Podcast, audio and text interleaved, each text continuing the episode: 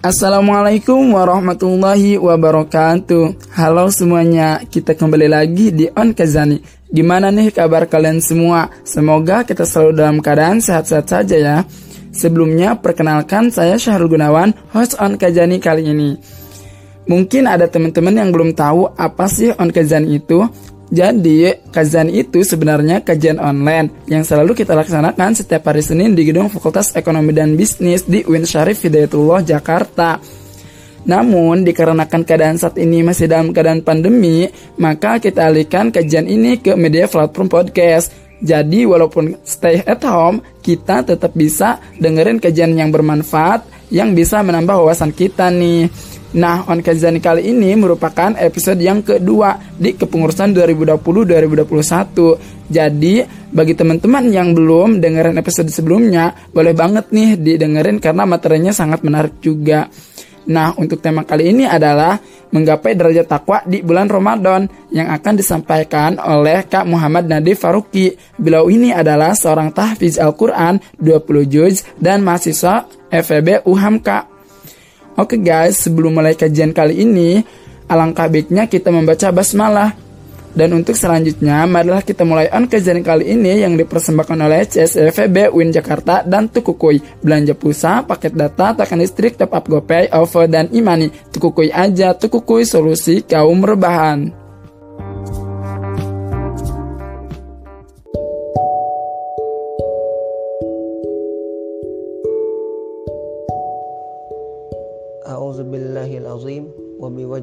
بوجهه الكريم وسلطانه القديم من الشيطان الرجيم السلام عليكم ورحمة الله وبركاته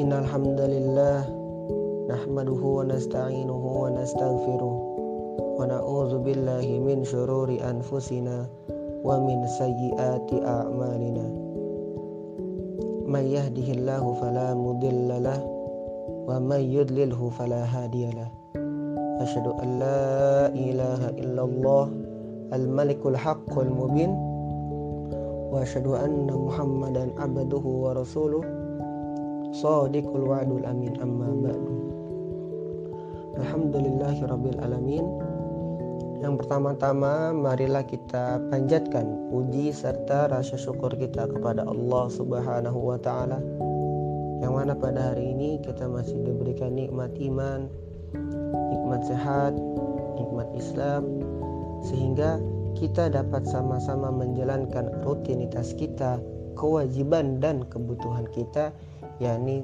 melakukan puasa di bulan suci Ramadan yang insya Allah penuh barokah ini.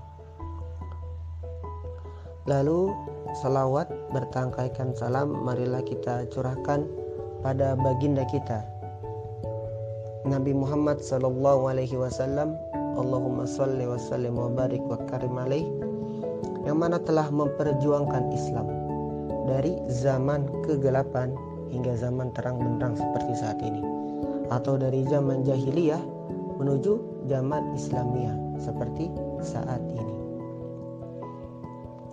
Sebelumnya, terima kasih kepada penyelenggara acara On Kazani online kajian Islam zaman ini yang diselenggarakan Syiar CSI FEB UIN Jakarta yang telah memberikan saya Al-Fakir kesempatan untuk sama-sama sharing di acara yang insya Allah Allah berkahi ini. Baik ya, jika kita melihat dari judul ya, yakni menggapai derajat takwa di bulan suci Ramadan ini. Sebenarnya apa sih itu takwa ya? Izinkan saya membacakan ayat. A'udzubillahi minasyaitonirrajim. Bismillahirrahmanirrahim. Ya ayyuhalladzina amanu taqullaha haqqa tuqatih ولا تموتن إلا antum muslimun. Al-ayah. Sadaqallahu lazim yang artinya Hai orang-orang yang beriman. Nah Ittaqullah bertakwalah kepada Allah hak tuqatih dengan sebenar-benarnya takwa. Wala tamutunna dan janganlah sekali-sekali kamu mati atau kita mati illa wa antum muslimun. Kecuali atau melainkan kita dalam keadaan beragama Islam. Nah, definisi takwa, takwa itu diambil dari kata bahasa Arab. Yang mana maksudnya merujuk pada mengikuti dan melakukan semua perintah Allah Subhanahu wa taala dan menjauhi semua larangan-larangannya. Takwa adalah seseorang yang taat kepada Allah Azza wa Jalla atas cahaya atau petunjuk dari Allah karena mengharap rahmatnya dan ia meninggalkan maksiat karena takut akan siksaan Allah Subhanahu wa taala. Tidaklah seseorang dikatakan takwa kepada Allah jika dia belum menjalankan kewajiban yang Allah tetapkan dan menunaikan hal-hal yang sunnah seperti yang dicontohkan pada baginda Nabi Muhammad SAW. Kalau kita melihat dari sisi etimologi, Takwa itu asal katanya adalah wako, yaki atau wikoyah yang artinya itu menjaga, menjaga diri, menghindari ataupun menjauhi ya. Nah, sedangkan pengertian takwa secara terminologi, takwa itu artinya adalah takut kepada Allah Subhanahu wa taala berdasarkan kesadaran dengan mengerjakan segala perintahnya dan menjauhi segala larangannya serta takut terjerumus dalam perbuatan dosa. Adapun takwa itu terulang dalam Al-Qur'an ya kurang lebih ya sebanyak 259 kali dengan makna yang cukup beragam. Di antaranya ada yang memelihara atau menghindari, menjauhi, menutupi ataupun menyembunyikan. Kalau menurut tafsir Ibnu Katsir, nah ya, menurut tafsir Ibnu Katsir, arti dari takwa adalah menaati Allah Subhanahu wa taala dan tidak bermaksiat kepadanya, senantiasa mengingat Allah Subhanahu wa taala serta bersyukur kepadanya tanpa ada pengingkaran di dalamnya. Nah, mengutip Imam Nawawi, nah, takwa adalah menaati perintah dan larangannya. Atau kalau kita melihat dari bahasa Imam Al-Jurjani, takwa yaitu menjaga diri dari pekerjaan yang mengakibatkan siksa, baik dengan melakukan perbuatan ataupun meninggalkannya. Bagi seorang muslim, ketakwaan menjadi sesuatu yang sangat penting. Mengapa? Karena takwa menjadi ukuran kehormatan seseorang di hadapan Allah Subhanahu wa taala. Sebagaimana firman-Nya dalam surat Al-Hujurat ayat 13, Bismillahirrahmanirrahim. Ya ayyuhan nasu inna khalaqnakum min zakarin wa unsa وجعلناكم شعوبا وقبائل لتعارفوا. إن أكرمكم عند الله أتقاكم. إن الله عليم خبير. Yang mana artinya? Jika kita melihat kutipan ya kita melihat kutipan artinya bahwasanya kita ini diciptakan oleh Allah Subhanahu wa taala mi zakari wa unsa ya dari laki-laki dan perempuan. Waja'alnakum syu'uba wa qabaila lita'arafu. Dan kita ini diciptakan beragam-ragam bersuku-suku mungkin ada yang dari timur tengah ada yang dari Arab Saudi ada yang dari Eropa bahkan di Indonesia pun terbagi-bagi ada yang dari Sunda ada yang suku Jawa Madura, Padang. Kita pun terbagi-bagi. Tidak lain dan tidak bukan niat Allah adalah waqoba ila ta'arafu agar kita tuh saling mengenal. Ya. Dan inna akromakum indallahi atqakum dan sesungguhnya orang yang paling mulia nah di antara kamu atau di antara kita ini di sisi Allah adalah atqakum adalah ketakwaan. Innallaha alimun khabir. Sesungguhnya Allah Subhanahu wa taala maha mengetahui lagi maha mengenal. Kalau kita mengambil dari ayat ke 177 surat Al-Baqarah di situ terperinci setidaknya ada 17 ciri orang yang bertakwa. Lima yang pertama adalah aspek keyakinan atau akidah, beriman kepada Allah, hari kiamat, malaikat-malaikat, kitab-kitab dan nabi-nabi. Empat lainnya amalan fardiyah seperti sholat, sabar, ya dalam penderitaan kita harus sabar, sabar dalam peperangan. Sedangkan delapan berikutnya merupakan amalan sosial, ya meliputi berinfak kepada kerabat, anak-anak yatim, orang-orang miskin, musafir atau peminta-minta, hamba sahaya menunaikan zakat dan menepati janji. Ketakwaan yang dinyatakan dalam bentuk amal perbuatan jasmania yang dapat disaksikan secara lahiriah merupakan dan keimanan seseorang kepada Allah Subhanahu wa taala. Iman yang terdapat di dalam dada diwujudkan dalam bentuk amal perbuatan jasmania tentunya. Oleh sebab itu, kata takwa di dalam Al-Quran sering dihubungkan atau dikaitkan dengan kata iman. Dan iman pun dikaitkan dengan kata-kata amal solih. Orang-orang yang bertakwa diberi berbagai kelebihan oleh Allah Subhanahu wa taala. Tidak hanya ketika mereka di akhirat nanti, tetapi juga ketika mereka berada di dunia. Setiap kesulitan yang dihadapinya akan dimudahkan segala urusannya. Dilimpahkan kepadanya berkah dari langit dan bumi. Dianugerahi petunjuk untuk dapat membedakan mana nih yang hak dan mana yang batil. Dan diampuni segala kesalahannya dan dihapus segala dosa-dosanya.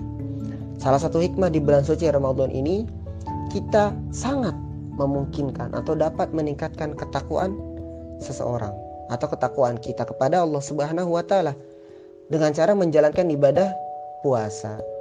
Karena puasa pun adalah hal yang wajib seperti yang tertera dalam Al-Qur'an ayat 183 surat Al-Baqarah yang berbunyi Bismillahirrahmanirrahim Ya ayyuhalladzina ma Maaf يا أيها الذين آمنوا كتب عليكم الصيام. كتب عليكم الصيام كما كتب على الذين من قبلكم لعلكم تتقون. Jadi yang artinya, hai orang-orang yang beriman, nah, diwajibkan atas kamu berpuasa.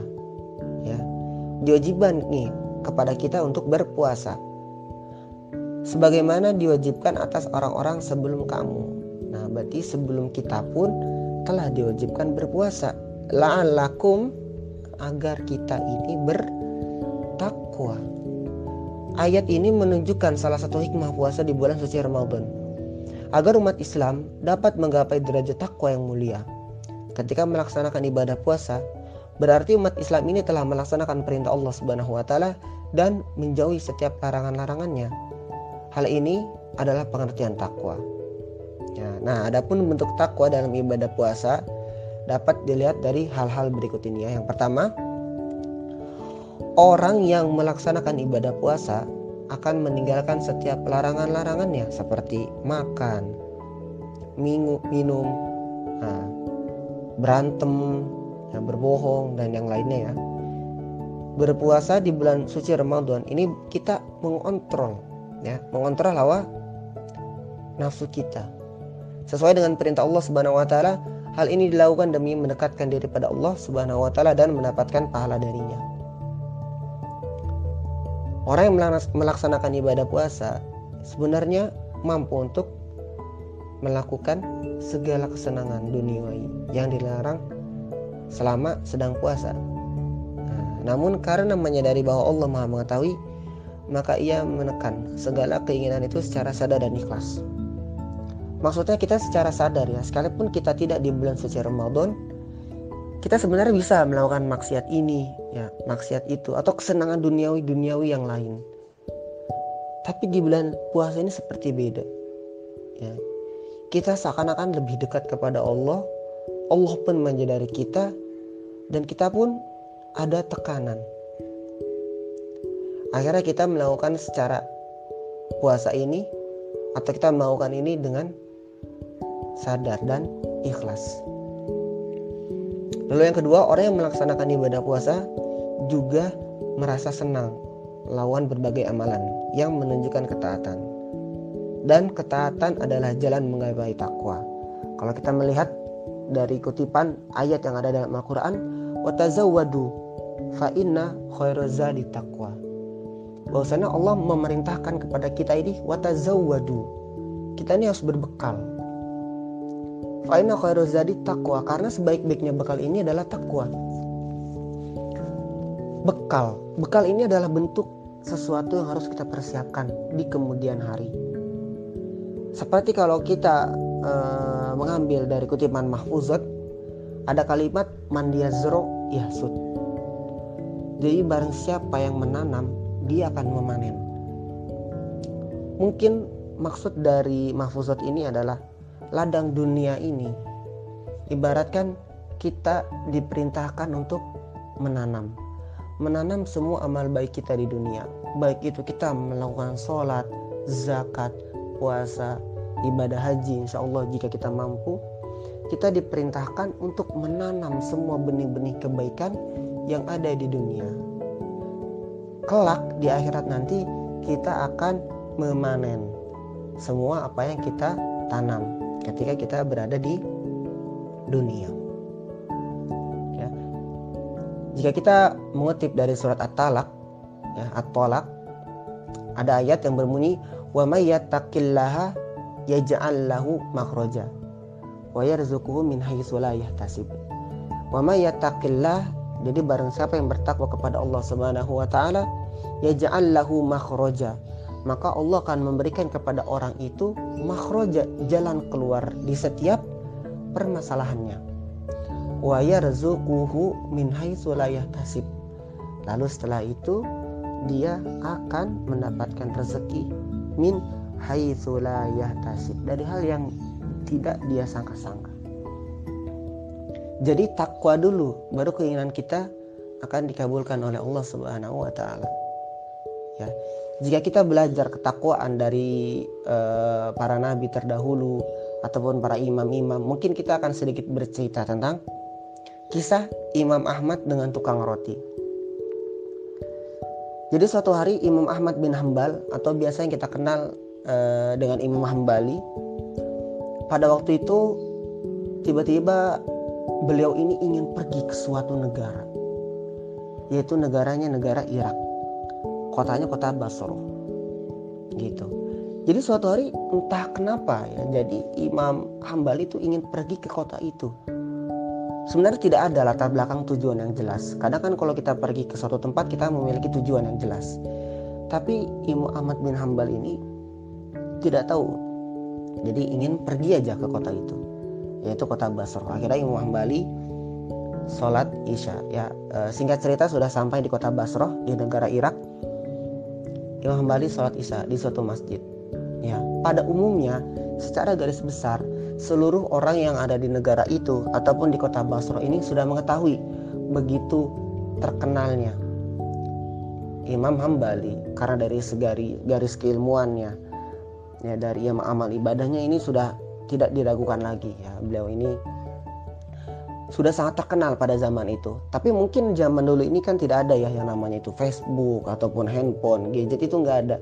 Jadi kita cuma tahu namanya. Oh ini Imam Ahmad bin Hambal. Kita tidak tahu bentuk rupa dan wajahnya Imam Ahmad bin Hambal ini seperti apa. Seketika itu Imam Ahmad bin Hambal sholat isya di suatu masjid.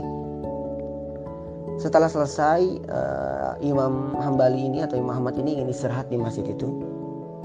Ketika ingin beristirahat, itu ada marbot masjid yang nyuruh keluar dengan alasan ini masjid mau di dikunci mau dipagar gitu ibaratkan.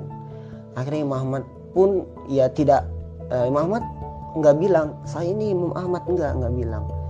Tapi Imam Ahmad mengiyakan dan keluar. Akhirnya istirahat di teras masjid. Ketika di teras masjid pun Imam Ahmad bin Hambal ini tetap disuruh keluar oleh marbot. Ya karena alasannya mau dipagar mau dikunci masjid itu. Ya. Akhirnya Imam Ahmad pun ya keluar. Imam Ahmad bin Hambal ini keluar dari masjid dan tukang roti di sebelah masjid ada yang melihat kejadian tersebut. Akhirnya tukang roti ini kurang lebih berkata istirahatlah di rumah saya. Ya sekalipun tidak besar tempat saya ini kecil tapi boleh beristirahat di rumah saya kata tukang roti. Jadi tukang roti ini tuh nggak sengaja melihat kejadian tadi. Dan tentunya tukang roti ini pun nggak tahu kalau itu adalah Imam Ahmad bin Hambal. Akhirnya Imam Ahmad pun bin Hambal menerima bantuan dari tukang roti akhirnya beristirahat di tukang roti. Gitu. Bercengkrama sebentar ngobrol sebentar eh, akhirnya Imam Ahmad bin Hambal pun beristirahat Tukang roti ini apakah istirahat? Enggak. Tukang roti ini melanjutkan membuat roti mungkin yang akan dijual esok hari. Tapi di sini Imam Ahmad bin Hambal ini uh, kagum dan bingung. Kenapa? Karena tukang roti ini selalu berzikir. Astagfirullahalazim, subhanallah, alhamdulillah, wa la ilaha akbar, astagfirullahalazim, subhanallah, alhamdulillah, wa la ilaha akbar. Terus berzikir. Ketika membuat roti pun Imam Ahmad bin Hambal tuh bingung karena tukang roti ini pun terus berzikir. Akhirnya Imam Ahmad bin Hambal pun bertanya kepada tukang roti, "Wahai tukang roti, eh, sebenarnya apa yang kamu dapati dari zikir itu? Maksudnya ketika kamu berzikir itu apa yang kamu dapat?" Akhirnya tukang roti ini pun berkata, "Alhamdulillah, ketika saya berzikir, tidak ada satu doa pun yang Allah tolak dari doa saya."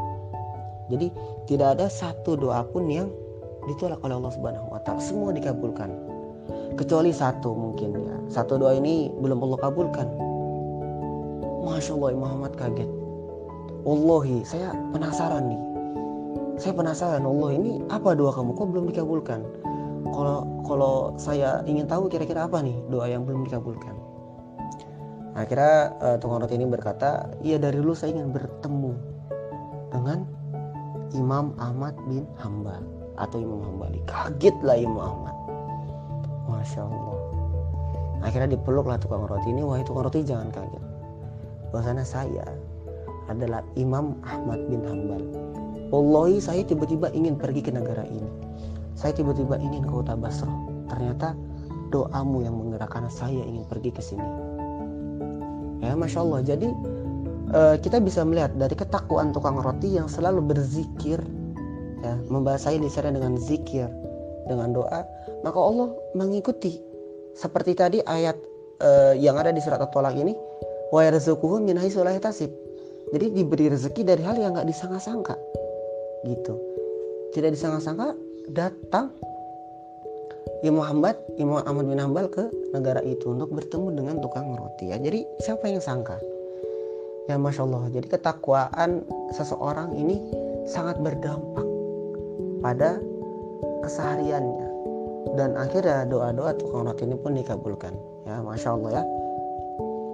Jika kita sama sama-sama bermuasabah cerita yang bisa kita ambil dari sini adalah alangkah baiknya kita sama-sama meningkatkan kualitas dan kuantitas takwa kita di bulan suci Ramadan ini. Karena entah takdir apakah akan mempertemukan kita di bulan Ramadan tahun depan? Atau barangkali Ramadan ini adalah Ramadan terakhir kita?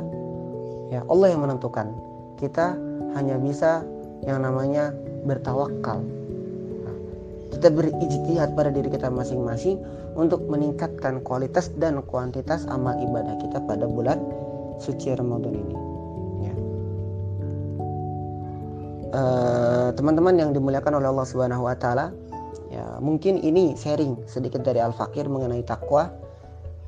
Jadi intisari yang dapat kita ambil bahwasannya alangkah baiknya seperti definisi takwa yang tadi sudah kita pelajari ya bahwasanya Allah pun mengulang tak uh, takwa di Al-Qur'an itu sebanyak 259 kali yang mana maknanya ada yang memelihara, menghindari, menjauhi, menutupi, menyembunyikan yang pada pada umumnya niatnya adalah mendekatkan kita kepada Allah Subhanahu wa taala, melakukan semua perintah Allah Subhanahu wa taala dan menjauhi semua larangan-larangan. Seperti itu. Itu definisi takwa. Semoga amal-amal ibadah kita apa yang kita niat baikkan pada bulan Ramadan ini Allah terima di sisinya dan semoga dosa-dosa kita yang telah lampau Allah ampuni pada bulan suci Ramadan ini. Karena Nabi SAW pernah bersabda man soma ramadhana imanan wahtisaban ghufirallahu ma taqaddama min barang siapa yang bulan barang siapa yang berpuasa di bulan suci Ramadan imanan wahtisaban dengan segenap keimanan wahtisaban dengan harapan ridho Allah Subhanahu wa taala ghufirallahu ma taqaddama min maka Allah akan mengampuni dosa-dosa kita yang telah lampau insyaallah Sekian dari Al-Fakir. Kurang lebihnya mohon maaf. Subhanakallahumma wa bihamdik. Asyhadu an la ilaha illa. Sampai berjumpa kembali. Assalamualaikum warahmatullahi wabarakatuh.